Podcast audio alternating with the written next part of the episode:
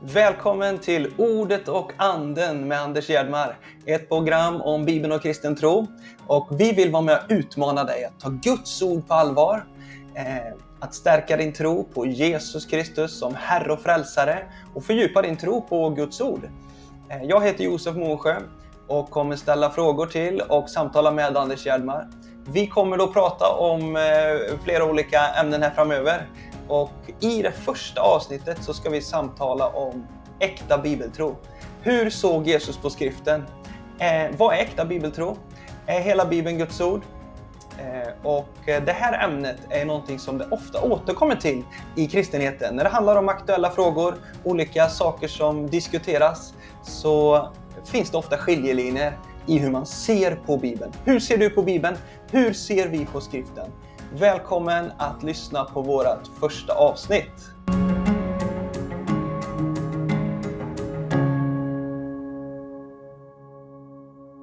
Välkommen Anders till vårt första avsnitt här. Tack ska du ha. Vi har ju rubriken eller, eller namnet på programmet Ordet och anden med Anders Gerdmar. Så, så, du är med här och jag är med och intervjuar och, och, ska ställa frågor till dig här. Så jag tror att det blir väldigt spännande.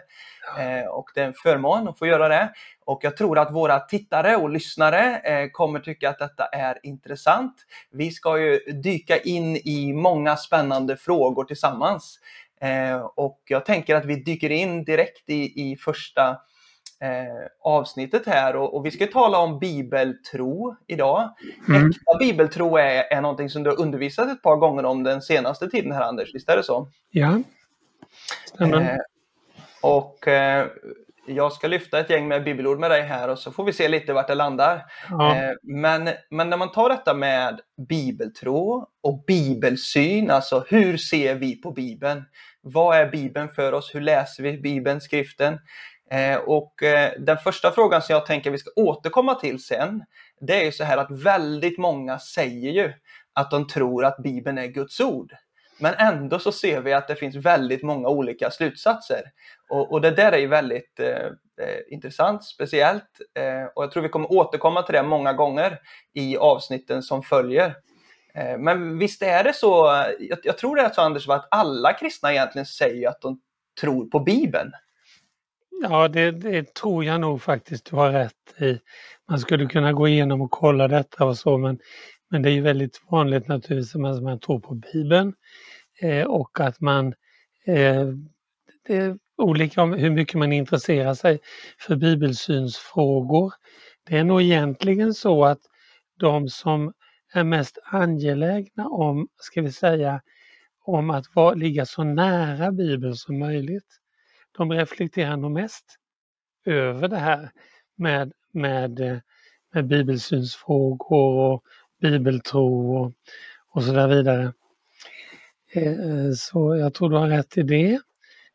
Eh, och det är ju, alltså jag menar det, det finns väl inget kristet samfund som inte har med i sina statuter någonting som låter ungefär som bibeltro. Men frågan är, vad finns under skalet? mm. Och om vi då tittar på ett gäng med bibelord där och sen kanske vi återkommer till den här frågan senare i det här programmet också. Men eh, jag vill läsa först härifrån Saltaren eh, 119 och så läser vi vers 33 eh, till 35. då står det så här att Visa mig Herre dina stadgars väg så vill jag följa den ända till slutet. Ge mig förstånd så att jag tar vara på din undervisning och håller fast vid den av hela mitt hjärta. Led mig på dina budordsstig. Jag älskar den. Och eh, det är ju egentligen så att Psaltaren 119 är varje vers talar ju om att följa skriften, att, att följa mm. Guds ord och sådär. Um, och jag tänker att det, det, visar på en otrolig kärlek här. Men vad, vad, vad, vad säger du liksom, ett sånt här bibelord och eh, vad, pekar det grundläggande på? Alltså jag tänker ju så här, direkt så tänker jag, ja men det här är ju precis det Jesus säger. Lär dem att hålla allt vad jag har befallt er. Alltså den Jesus uppvuxen, ska vi säga med Saltaren naturligtvis, med Saltaren 119, med den attityden till skriften som finns här. Den här kärleken till skriften. En sån här rolig detalj är ju att under Jesu uppväxttid så eh, kunde Eh, man till exempel i, ska vi säga de mer konservativa kretsarna, och det var ju fariseerna på den tiden. Vi tänker ju ofta fariseer väldigt negativt, men alltså fariseerna var ju de som verkligen tog skriften på allvar och så vidare. Där kunde man till och med ha en Torah-party, en Torah-fest, glädjen över lagen. Och det där har inte vi riktigt fått tag på. Va? Men det, det är ju det som, som Jesus har också, va? glädjen över lagen. Och det är det som andas här nu i Psaltaren 119. Eh, och samtidigt viljan att lyda, viljan att följa, eh, den är också så självklar. För om man en gång förstår att det är Guds ord, att det är Guds Torah, Torah betyder ju undervisning. Om man en gång har fattat det, ja men då, då måste man relatera till det och då, då, då är det enda sättet är ju egentligen att följa, att lyda, att försöka förstå vad vill Gud och sen göra det. Mm. Och eh, du har ju, du skrev en bok för några år sedan Anders och vi kommer göra lite reklam för den här säkert framöver. Eh, och idag med och i lite avsnitt. Men det står skrivet och det är ju ett citat då från eh, någonting som Jesus säger. För om vi kommer in här då på eh, om man ställer sig frågan, vad hade Jesus för bibelsyn? Hur såg han på, på skriften? Och då har vi vidrört det redan här, men till exempel då i, i, i Matteus 4 och 4 finns ju detta. Och det är ju Jesus som frestas av djävulen. Och så eh, säger han så här Eh, vi kan läsa från vers 3. Det står att då kom frestaren fram och sade till honom, om du är Guds son, så befall de här stenarna att de här stenarna blir bröd. Jesus svarade, det står skrivet, människan lever inte bara av bröd, utan av varje ord som utgår från Guds mun. Eh, vad, vad, säger detta om Jesus? Vad säger det om hans syn på skriften? Det säger väldigt mycket. För det första, vad har han för svar Tänk nu så här, Jesus han är Guds son, Jesus har all potential. Jesus har just nu kommit in i sin, ska vi säga, stora tjänst och så vidare. Men när han möter djävulen så vad, vad, vad, gör han för någonting? Jo, han tar fram skriften. Det står skrivet och redan detta, det står skrivet, det är så intressant för att det står ju i, i perfekt form. Alltså det står i en i, eh, på grekiska kan man uttrycka saker väldigt exakt. Man kan uttrycka någonting som är eh, definitivt och inte kommer att kunna ändras. Och det är precis det han säger. Det är definitivt, det kommer inte att kunna ändras för det står skrivet. Och det här också att det är skrivet är så otroligt viktigt för att det är skillnad på det muntliga och det skriftliga.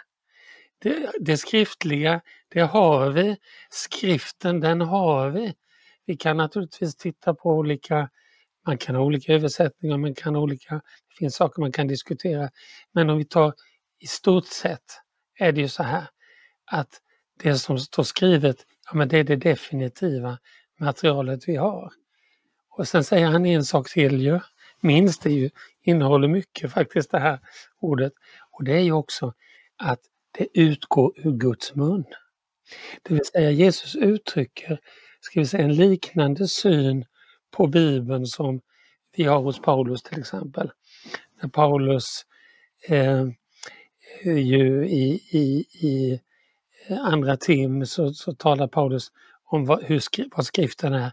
Jo men all skrift är Guds andad. Ungefär samma sak säger Jesus. Skriften är Guds andad.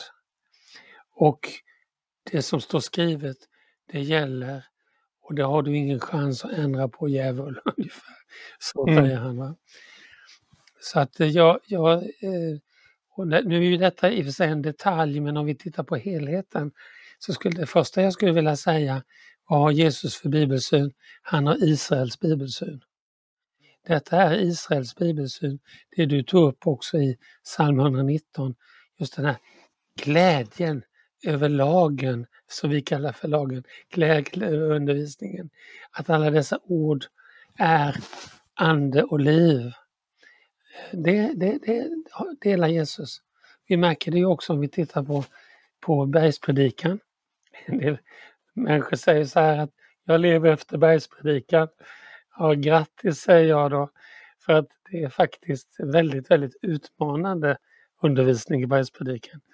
Men där har vi också detta med att inte ett horn, inte ett horn, alltså inte en prick, står det ju i svensk översättning, men på grekiska står det keraja, inte ett horn ska förgås. Och vad är det för något? Jo, det är ju minsta delen av en hebreisk bokstav. Den lilla kröken på en hebreisk bokstav. Inte ens den lilla kröken där ska förgås mm. förrän allt detta har fullbordats. Så för Jesus står skriften där och den går inte att flytta på utan den är det självklara fundamentet för allting som Jesus säger och gör och undervisar. Om vi, ska, om vi ska ta chansen här och ge redskap till den som lyssnar också. Alltså när Jesus säger detta i, i, eh, till djävulen då, tänker jag ju att det här är verkligen en, en sån supergrej som vi som troende kan applicera och det är säkert många som gör det. Men det är klart att kunna citera skriften, eh, det är viktigt alltså. När djävulen attackerar oss så måste vi kunna svara med vad som står i ordet. Ja, absolut. Det betyder hur mycket som helst. Eh, det kan vara olika situationer. Dels att naturligtvis att, att ha skriften i sig. Jag är faktiskt glad för att min uppväxt, jag är uppvuxen i ett prästhem, högkyrkligt prästhem. Och vi eh, bad tillsammans som familj eh, med, med böner ur Psaltaren. Jag ska inte säga att vi gjorde det alla, alltid alla år men vi gjorde det verkligen långa perioder. Eh, och då, då fick man ju etsa in vissa bibelord och de finns ju fortfarande. Och för mig är det naturligtvis, alltså fortfarande i mig. Sen naturligtvis eh, jag har ju haft en hel del bekymmer med sjukdom. Eh, och jag skulle inte leva om inte jag hade fått lära mig faktiskt. Och det är mycket i trosundervisningen. Fått lära mig att använda Guds ord. Att inte bara Guds ord finns i en bok eller jag kan ta ner en bok från hyllan. Utan att jag stoppar in ordet i mitt hjärta. Så att det finns där på något som en slags eh, bank. Va? Och varje gång djävulen säger till mig eller mina känslor säger till mig att, att eh, nej, men, nej men du Anders, du, Eh, du, du har inte långt kvar. Då kommer det bara automatiskt från min inre människa. Jag ska inte dö, jag ska leva och förkunna Herrens väldiga gärningar. Och Det är liksom som att man kan investera ordet i sig och memorera ordet och låta ordet fylla en. Och det är faktiskt väldigt judiskt också. För det var ju precis så som de här lärjungarna då, de hade ju det med sig och Jesus hade ju det med sig i sitt mm. liv. Visst, visst, är det, nu kan jag inte vilken profet då, om det är Jesaja eller Jeremia va, som får en bokrulle och ängeln säger väl att ät, ät den här. Ja, det är väl Hesekiel va? Hesekiel är det till och med, ja. precis. ja visst, ät bokrullen. Ja. Ät bokrullen. Nej, men jag skulle vilja säga till alla som lyssnar, eh, ta Guds ord för det som, ska vi säga, är brännande för dig just nu. Jag, brukar skoja så här ibland och säga, ni tjejer, ta ett läppstift och skriv upp det på spegeln ungefär. Mm. Nej, men lite grann att, att, att de här orden, de är verkligen ande och liv. Det är verkligen en potential, eh, en säd i de här orden. Och de kan, de kan rädda en människa. Har räddat mm. mig många gånger. Mm. Du var inne här på Matteus evangeliet 5 där i bergspredikan också. Jag kan läsa några av de verserna där, 5 och 17 eh, och några verser framåt. Eh, Tro inte att jag har kommit för att upphäva lagen eller profeterna. Jag har inte kommit för att upphäva, utan för att uppfylla. Jag säger er sanningen, innan himmel och jord förgår ska inte en bokstav, inte en prick eller horn då sa du va där? Mm. I lagen förgå, inte förrän allt har skett. Därför ska den som upphäver ett av det, det, eh, det minsta av dessa bud och lär människorna så kallas minst i himmelriket. Men den som håller dem och lär ut dem, han ska kallas stor i himmelriket.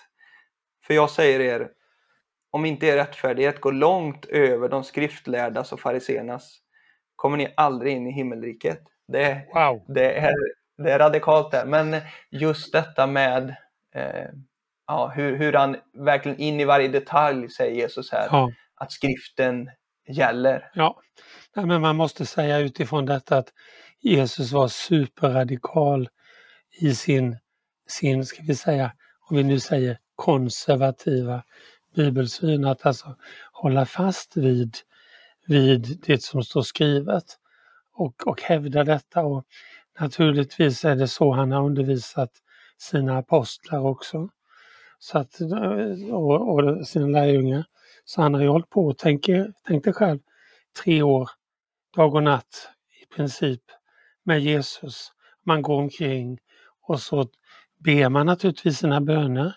För jag menar, eh, jag, jag, är övertygad om att Jesus var van från sin uppväxt att man, Eh, han hörde liksom sin fosterfar Josef som började då Shma Israel och, och bekännelsen och sen vissa salta salmer. Och så var han van vid att ordet fanns med och ordet liksom genomsyrade vardagen.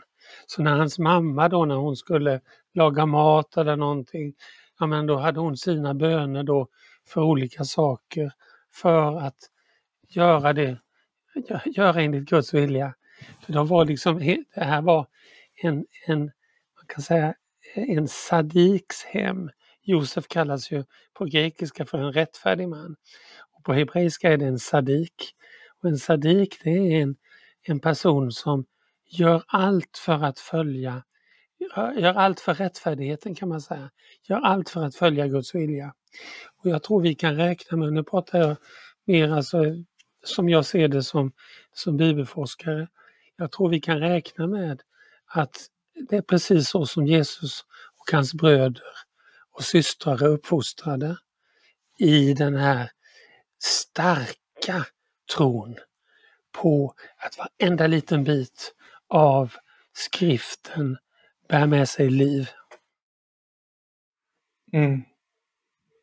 Jag tänker här Anders också på i, i detta ordet här i Matteus 5 där då, så så säger det någonting om hur Jesus ser på, eller för han talar ju om gamla testamentet här gör han ju. Och det är klart att vi tänker väldigt lätt på nya testamentet som troende kanske, eh, när vi är lite slarviga i tanken med då. Men eh, Jesus raderar verkligen inte ut GT och, och det hinner vi kanske inte dyka så djupt i idag och, och sådär. Och vi kan återkomma och det är kanske någon annan vi behöver ha med också eh, och tala om det. Men det är ändå så att att det, det, handlar verkligen om Gamla Testamentet här som vi tycker är så jobbigt många gånger som troende att läsa. Ja visst. Nej, det är en väldigt viktig poäng för att eh, tanken att man skulle kunna vara utan det vi kallar för Gamla Testamentet, det kallade ju då eh, Jesus och, och hans lärjungar för, för skriften eller Bibeln eh, och så vidare. Alltså det, tanken att man skulle kunna vara utan dem, den är fullständigt absurd. För eh, hela den kristna traditionen, inklusive naturligtvis Jesus och hans, hans apostlar. Eh, tvärtom är det ju så här att en sån som Paulus då, Paulus är ju rabbin och han är ju skolad i, man kan säga han gick, han gick den bästa högskolan man kunde i hela judendomen motsvarar Skandinavisk teologisk högskola. Slut på reklampaus. Nej, men han gick den förnämsta högskolan eh, för, för Gamaliel då som, som ju var kan man säga som en slags, eh, vad ska jag säga, en slags patriark, en, ungefär påvens roll i, i, eh, i judendomen, alltså den främsta auktoriteten. Han gick ju den skolan, han fick ju lära sig allting om bibeltolkning.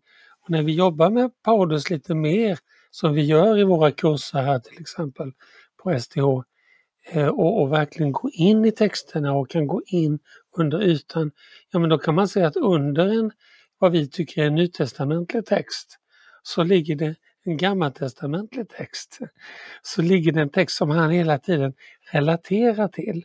Och han snuddar lite grann vid den texten och snuddar lite grann där, snuddar lite grann där. Och då är det så att hans läsare och framförallt åhörare, för breven lästes ju högt va, i församlingen. När folk hörde detta som var förtrogna med skriften, då hörde de inte bara den här, förstår ni, ut, yttexten så att säga, den vi känner till. Jag tänker på Andra Korinthierbrevet 3 till exempel. Eh, utan de hörde också texten som låg under. Det vill säga, då har vi hela den här Exodus med Mose och Mose har fått lagen. Han har, han har ett, ett dok framför ansiktet för att det strålar för mycket annars och folk, folk kan inte titta på honom. Eh, så att, alltså, man kan inte förstå man kan inte förstå Nya Testamentet utan att förstå Gamla Testamentet. Mm. Och det är klart att det är ju det är givetvis så att vi tror ju inte att vi ska offra lamm och getter och sånt utan någonting händer ju i och med Jesus. Men det är väldigt spännande det där liksom hur, hur vi ska se på helheten av skriften. Eh, och eh, jag tänker, jag, jag läste Galaterbrevet eh, häromdagen här och eh, det är klart att Paulus han är han är ursinnig på de här som ska börja hålla på med omskärelse på hedningar. Ja, verkligen. Jo, det där kan man ju se att där kan man verkligen se, vad ska vi säga, Guds vrede i Paulus röst på något sätt. Det är i första kapitlet i Galaterbrevet där han verkligen fördömer dem som vill, ska vi säga, lägga till några extra eh, gärningar för att man ska kvalificera sig inför Herren. Så det, ja, nej men alltså att man, man kan inte läsa eh, Eh, skriften utan, jag kommer ihåg, jag hade ju ett tag så var, träffades jag, eh, träffade jag två vänner i ja, ungefär min egen ålder. Eh, en av dem var doktor i Gamla Testamentet, väldigt kunnig, han är professor och en annan av dem var, hade inte de, just de titlarna men väldigt, väldigt stor bildning. Och vi, vi läste olika saker i skriften eller närliggande texter eh, tillsammans över en kopp kaffe på Café Fågelsången i Uppsala. Det var ingen betald reklampaus där men det är ett väldigt bra ställe. Och eh, det var så intressant med GT-professorn då för att eh, när vi då var inne på någon text, kanske i Nya Testamentet, så sa han, ja men det här är exakt den och den och den och den. Och då kunde han ju också den hebreiska texten. Han kände igen hela sammanhanget. Va? Så att man kan säga att Bibeln är som en väv. Och det går en varp från Genesis 1, första Mosebok 1, ända bort till Uppenbarelsebokens sista kapitel. Där går den här varpen och den, den bär vissa bärande saker, vissa bärande tankar som finns där. Och sen har vi då, ni vet som i en väv så har man sen inslag eller väft som det heter. Där finns det ju en massa olika inslag som verkar väldigt, väldigt, väldigt, väldigt olika. Men det finns sådana här underbara bärande varptrådar kan vi säga hela vägen igenom. Mm. Men vi ska faktiskt ta en liten re reklampaus här nu så ni får eh, stanna kvar och så ska vi fortsätta och samtala här med Anders eh, när vi är tillbaka. Anders Hjelmar har skrivit flera olika böcker. En av dem heter Det står skrivet Bibeltro kontra bibelkritik. Den behandlar frågan om hur akademisk bibelkritik, den historiskt kritiska metoden, har fått allt för stort inflytande i svensk kristenhet. Både bland teologer på statliga universitet, högskolor, men också på frikyrkliga utbildningar, pastorsutbildningar, högskolor. Hur står det egentligen till med tron på Bibeln som Guds ord? Köp boken på STH förlag. webbsida sthforlag.se. Välkomna tillbaka! Vi är igång och pratar här om bibeltro, bibelsyn, Jesu bibelsyn. Äkta bibeltro är också ett begrepp man kan använda. Eh, och eh, Eh, jag tänker några bibelord till här Anders då. Vi har vidrört, men det är alltid trevligt att, att läsa eh, tydligt vad som står och, och det här i i andra Timoteusbrevet så har vi ju i andra Timoteus 3 och vers eh, 15. Jag ska hoppa till här, ska vi se. Så. Och då står det ju 15 och 16 läser vi i alla fall där då. Eller vi kan läsa från 14. Du däremot, håll fast vid det du har lärt dig och blivit övertygad om. Du vet av vilka du har lärt dig och du känner från barndomen de heliga skrifterna som gör dig vis så att du blir frälst genom tron på Kristus Jesus. Hela skriften är utandad av Gud och nyttig till undervisning, tillrättavisning, upprättelse och fostran i rättfärdighet så att gudsmänniskan blir fullt färdig, väl rustad för varje god gärning. Eh, och eh, här finns det ju flera saker också. Eh, men men det är klart, det här, det här är också Paulus skriver till Timoteus om eh, eh det som vi kallar Gamla Testamentet. Då. Eh, men det här utandad eller inandad eller gudsandad, eh, det är väl ett spännande begrepp Anders, va? eller liksom eh, i, i det som finns från eh, Eh, texten på grekiska här. Vill du berätta lite? Ja, visst är det det. Theopnevstos står det ju. Seopnevstos. Så skriften är Theopnevstos Eh, och man kan fundera på det där med, med in, in och ut här så att säga. Eh, eh för att eh, eh, Ja, vad, vad, betyder inandad? Ja, det har andats in. Vad betyder utandat? Han har andats ut. Ja, men egentligen står det ju faktiskt gudsandad. andad. Eh, det är faktiskt så det står som ett ord, Seopnevstos. Och eh, seos är ju Gud. Eh, och alltså det, det är sån, man kan säga så här, det finns egentligen ingenting intimare än min andning i relation till mig själv. Min andning, min andedräkt, det som jag andas ut. Det som jag liksom andas. Man säger ibland att vi andas det och det.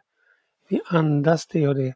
Det vill säga, det är så otroligt nära Guds hjärta på något sätt. Det finns inga filter, det finns inga tolkare eller någonting på vägen. Utan det finns ju eh, det finns liksom ett, ett, ett, ett, ett flöde, någonting rikt som kommer direkt från Guds hjärta.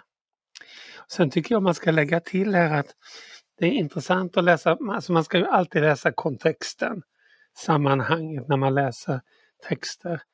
Och eh, eh, då ska man egentligen läsa flera verser innan eh, för att få kontexten. Eh, ganska många verser, det ska vi inte göra nu. Men, men jag skulle vilja säga så att i den här kontexten så finns inte bara det vi kallar Gamla Testamentet utan det, det står eh, eh, du eh, eh, du däremot eh, håll fast vid det som du har lärt dig och blivit undervisad om och blivit övertygad om. Du vet eh, av vilka du har lärt dig och du känner från barndomen de heliga skrifter som kan göra dig vis så att du blir frälst genom tron på, på Kristus Jesus. Och sen fortsätter det, hela skriften är är, är Guds andad. Eh, och eh, jag tror faktiskt att det här handlar om, om eh, det vi kallar för Gamla Testamentet först och främst. Eller det, det är det allra tydligaste. Det kan ingen ifrågasätta. Men jag tror att det handlar om mer. För att han är ju uppfostran, han är ju vad jag förstår tredje generationen troende redan. Eh, som faktiskt är inne i det här. Och här finns olika skrifter som har funnits tillgängliga för honom. Där han har kunnat, eh, Eh, ja, som, som, han har fått del av. Och, eh, bara detta, till exempel han har då kunnat lära sig tron på Kristus Jesus eller tron på Messias Jesus. Ja men det, det har han fått genom skrifterna. Det visar också att här har vi ju en, en kristologisk läsning. Och vi vet att, i, att eh, apostlarna satte igång i, i Jerusalem på, ska vi säga, ja, efter Jesu uppståndelse och efter att de hade kommit in i sitt apostelämbete så satte de igång och rannsaka skrifterna och arbeta med ordet och utlägga och så vidare. Alltså, det finns ett material av undervisning. Det finns heliga skrifter tillgängliga. Eh, GT, självklart, men också annat finns tillgängligt för Paulus när han eh, växer upp. Mm. Det finns ju många andra spännande bibelord här också som vi skulle kunna lyfta fram. Men ett till tänker jag att vi ska ta innan vi börjar och, och gå in för landning och, och, knyta ihop detta lite med några frågor till. Eh, men i Johannes evangeliet 16 så eh, säger Jesus så här Eh, från vers 12 att jag har mycket mer att säga er, men ni kan inte bära det nu. Men när han kommer, sanningens ande, då ska han leda er in i hela sanningen. Han ska inte tala av sig själv, utan bara tala det han hör och han ska förkunna för er vad som kommer att ske. Eh, och jag tänker här på, eh, om du vill utveckla lite kring alltså, andens roll i våran bibelförståelse och när vi läser Guds ord. Liksom. För det är ju inte bara en akademisk liksom, eh, syssla. Det finns väldigt många professorer som inte har någon förståelse över att Jesus är vägen till frälsning och, och allt möjligt liksom missar man. Eh, så, så någonstans blir det ju ändå så för oss troende att vi, att vi ser att, att andens ledning i, när vi läser blir viktigt. Ja visst, jag, jag tycker du, det är en jättebra fråga. Och jag, jag tänker direkt på Uppenbarelseboken där det flera gånger står just detta med, med eh, eh att det är både ordet och det är profetians ande. Profetians ande, det vill säga den helige ande. Generellt sett så tror jag så här att eh, nästan all teologi faktiskt eh, har missat en, en sak. Nämligen anden, den heliga ande, den heliga andes verk och hur den heliga ande fortsätter att undervisa oss Sen tror jag det är så här att skriften, det som Jesus själv hävdar i sin första konfrontation med Satan som vi känner till, eh, så, så, så hävdar han ju att det står skrivet. Alltså det som står skrivet, det är unikt. Det som står skrivet, det står där, det är gjutet i betong, det går inte att flytta på så att säga.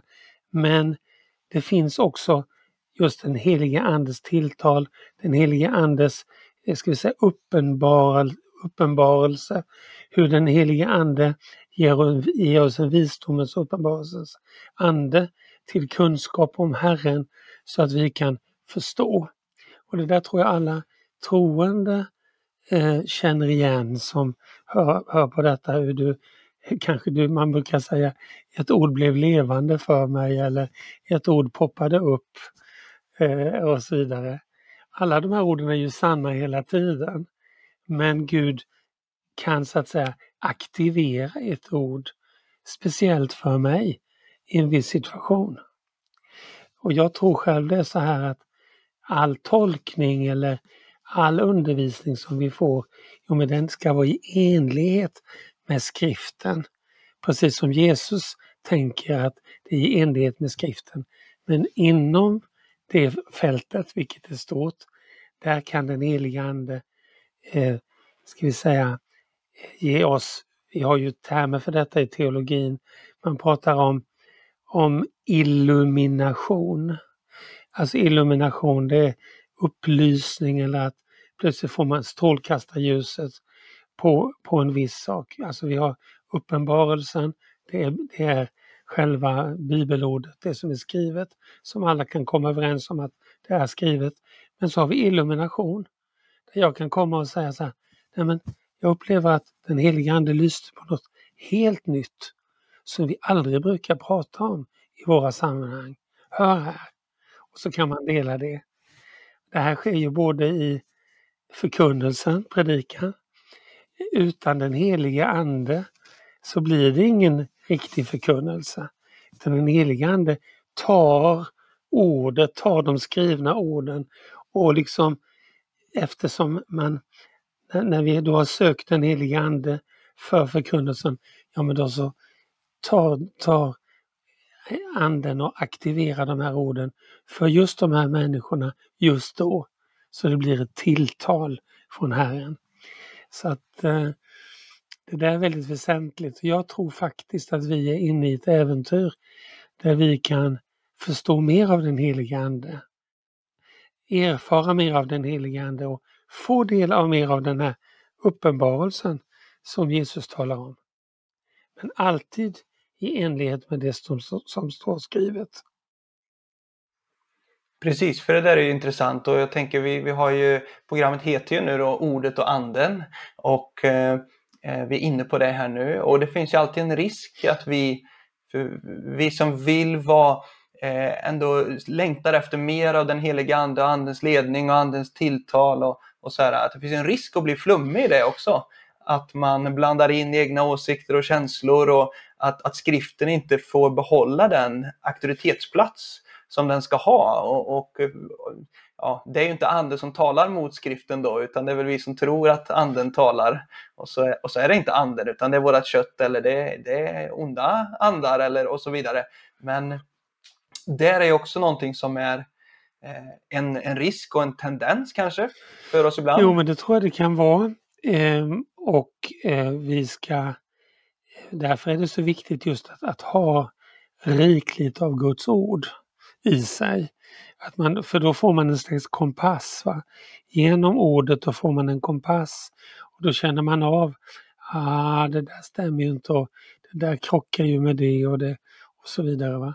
Å andra sidan så kan man väl säga så här att vi har inte för mycket heller av den heliga Andes, ska vi säga, eh, smörjelse, heliga Andes kraft, heliga Andes förkunnelse som verkligen rör djupt i människornas hjärtan. Det är ett underskott. Så att vi behöver mycket Guds ord och mycket, mycket helig Ande. Och då kan det bli mycket bra, ska vi säga, då, då, kan, då, då kan det bli någonting som är, är starkt och levande. Mm.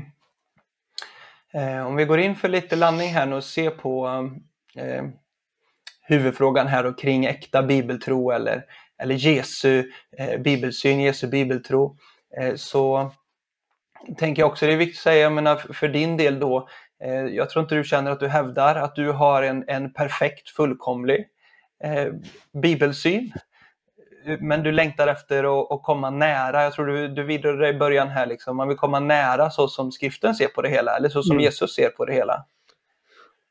Uh. Jo, alltså jag, jag, vet när jag skrev min bok eh, Det står skrivet eh, så höll jag på mycket med det här just vad är en vad ska jag säga, vad är en äkta bibeltro? Jag använder nog inte riktigt det begreppet då, men vad är bibeltro egentligen? Och för att försöka ringa in detta och för att man, det finns många olika, det är som en, ni vet som en diamant, den, den har många facetter i sin slipning och det är samma sak med skriften. Skriften är så rik eh, och att förstå den, va, det är så komplext. Och vi kommer ändå aldrig att förstå det. Vi kan inte förstå hur kan denna, dessa ord som nu står tryckta på en boksida plötsligt var till liv. Någon kanske blir omvänd, någon lär känna Jesus, någon får syndanöd och omvänder sig till Herren, någon blir helad, någon blir förvandlad genom, jag har till och med hört talas om folk som blir, liksom har blivit helade när de får en undervisningsbok om Guds ord i handen. Det är märkligt va? Vilken kraft som finns, eh, som finns, som finns i Guds ord. Eh, så att, eh, men det här äkta bibeltro, jag skulle gärna vilja säga någonting om det. För att eh, det är faktiskt på sistone, nu när jag, vi har ju, eh, åker ju ut och undervisar en del runt, runt om i landet och så här. Eh, och eh, då var det nu ett tillfälle när jag skulle undervisa om, om bibeltro. Och då kände jag, nej men det räckte inte med att prata om bibeltro. Jag måste prata om äkta bibeltro. Och vad beror det på? Jo, för idag finns det någonting som är väldigt sorgligt. Och det är att det finns personer som hävdar att de är bibeltroende. Fast de med alla, ska vi säga, normala mått mätt inte kan sägas vara bibeltroende. Och det har ju handlat väldigt mycket nu om den här alltför aktuella frågan om HBTQ. Men just i det sammanhanget så har folk sagt Nej, men jag kan vara fullt ut bibeltroende och samtidigt bejaka eh, HBTQI och så vidare.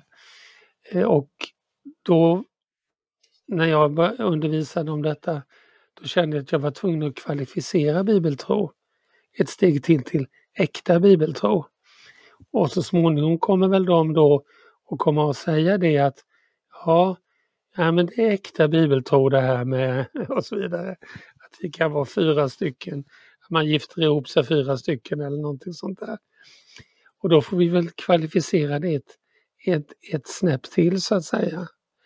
Men, men äkta bibeltro är att man, ska vi säga, det har att göra med trons lydnad, skulle jag vilja säga. Trons lydnad är ju någonting som Paulus återkommer till flera gånger. Trons lydnad är någonting väldigt, väldigt grundläggande. Tron är inte bara någon tanke upp i huvudet eller att man håller någonting för sant, utan tron medför en lydnad. Man kan alltså inte läsa vad skriften säger, låt oss säga om äktenskap och familj som är aktivt nu och, och varianter då som, som man, man diskuterar idag. Man kan inte läsa vad skriften säger om det här utan att lyda.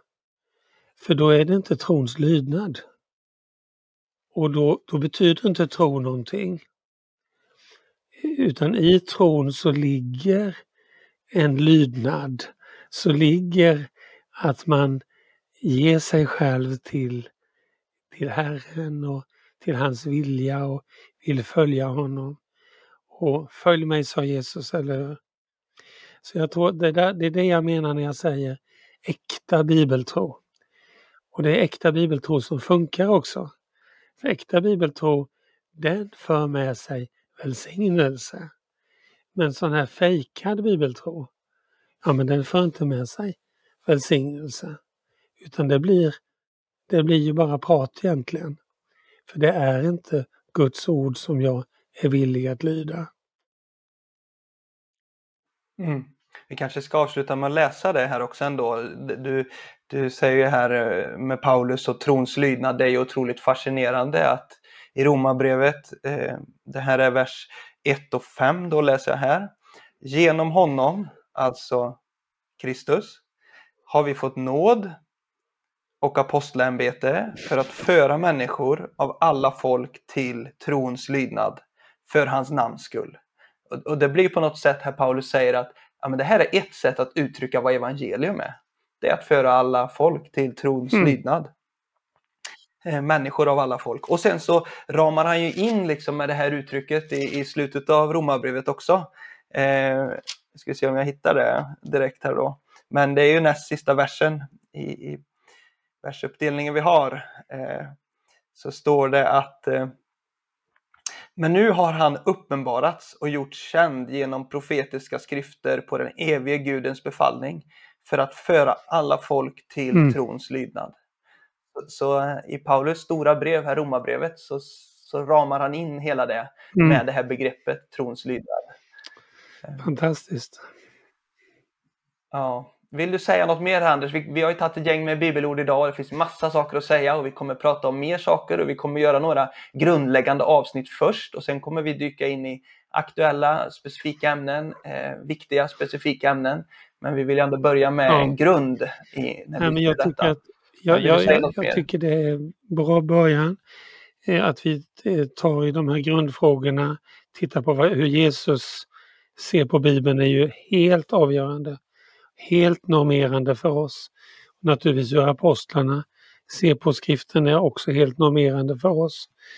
Och eh, eh, jag tycker det är bra att vi får, får jobba med de här frågorna och fördjupa oss i de här frågorna. Och jag är övertygad om att en bibelväckelse är nödvändig för att vi ska få se en förändring av det här landet. Och jag tror också faktiskt att en bibelväckelse är möjlig. En bibel och andeväckelse är möjlig i landet bara vi söker honom av hela vårt hjärta. Då kommer han att svara och då så ja, kan vi få uppleva sånt där som han har läst om i böckerna. Eller bättre till och med. Amen. Det längtar vi efter. Och eh, Guds välsignelse till dig Anders och Guds välsignelse till, till alla er som eh, lyssnar och tittar. Eh, så ser vi fram emot att få fortsätta med eh, nya spännande avsnitt framöver. Tack Josef. Vill du vara med och investera i stark bibeltro i Sverige, i svensk kristenhet? SDH ger ut böcker, undervisar i församlingar och vill utrusta framtidens apostlar, profeter, evangelister, herdar och lärare. Eh, du kan ge en gåva direkt genom Swish eller Bankgiro. Eller också kan du vara med och bygga långsiktigt genom att bli månadsgivare. Instruktioner finns i programmets info och på vår hemsida teol.se. Tack för era böner och era gåvor. Stå med oss. Gud välsigne er.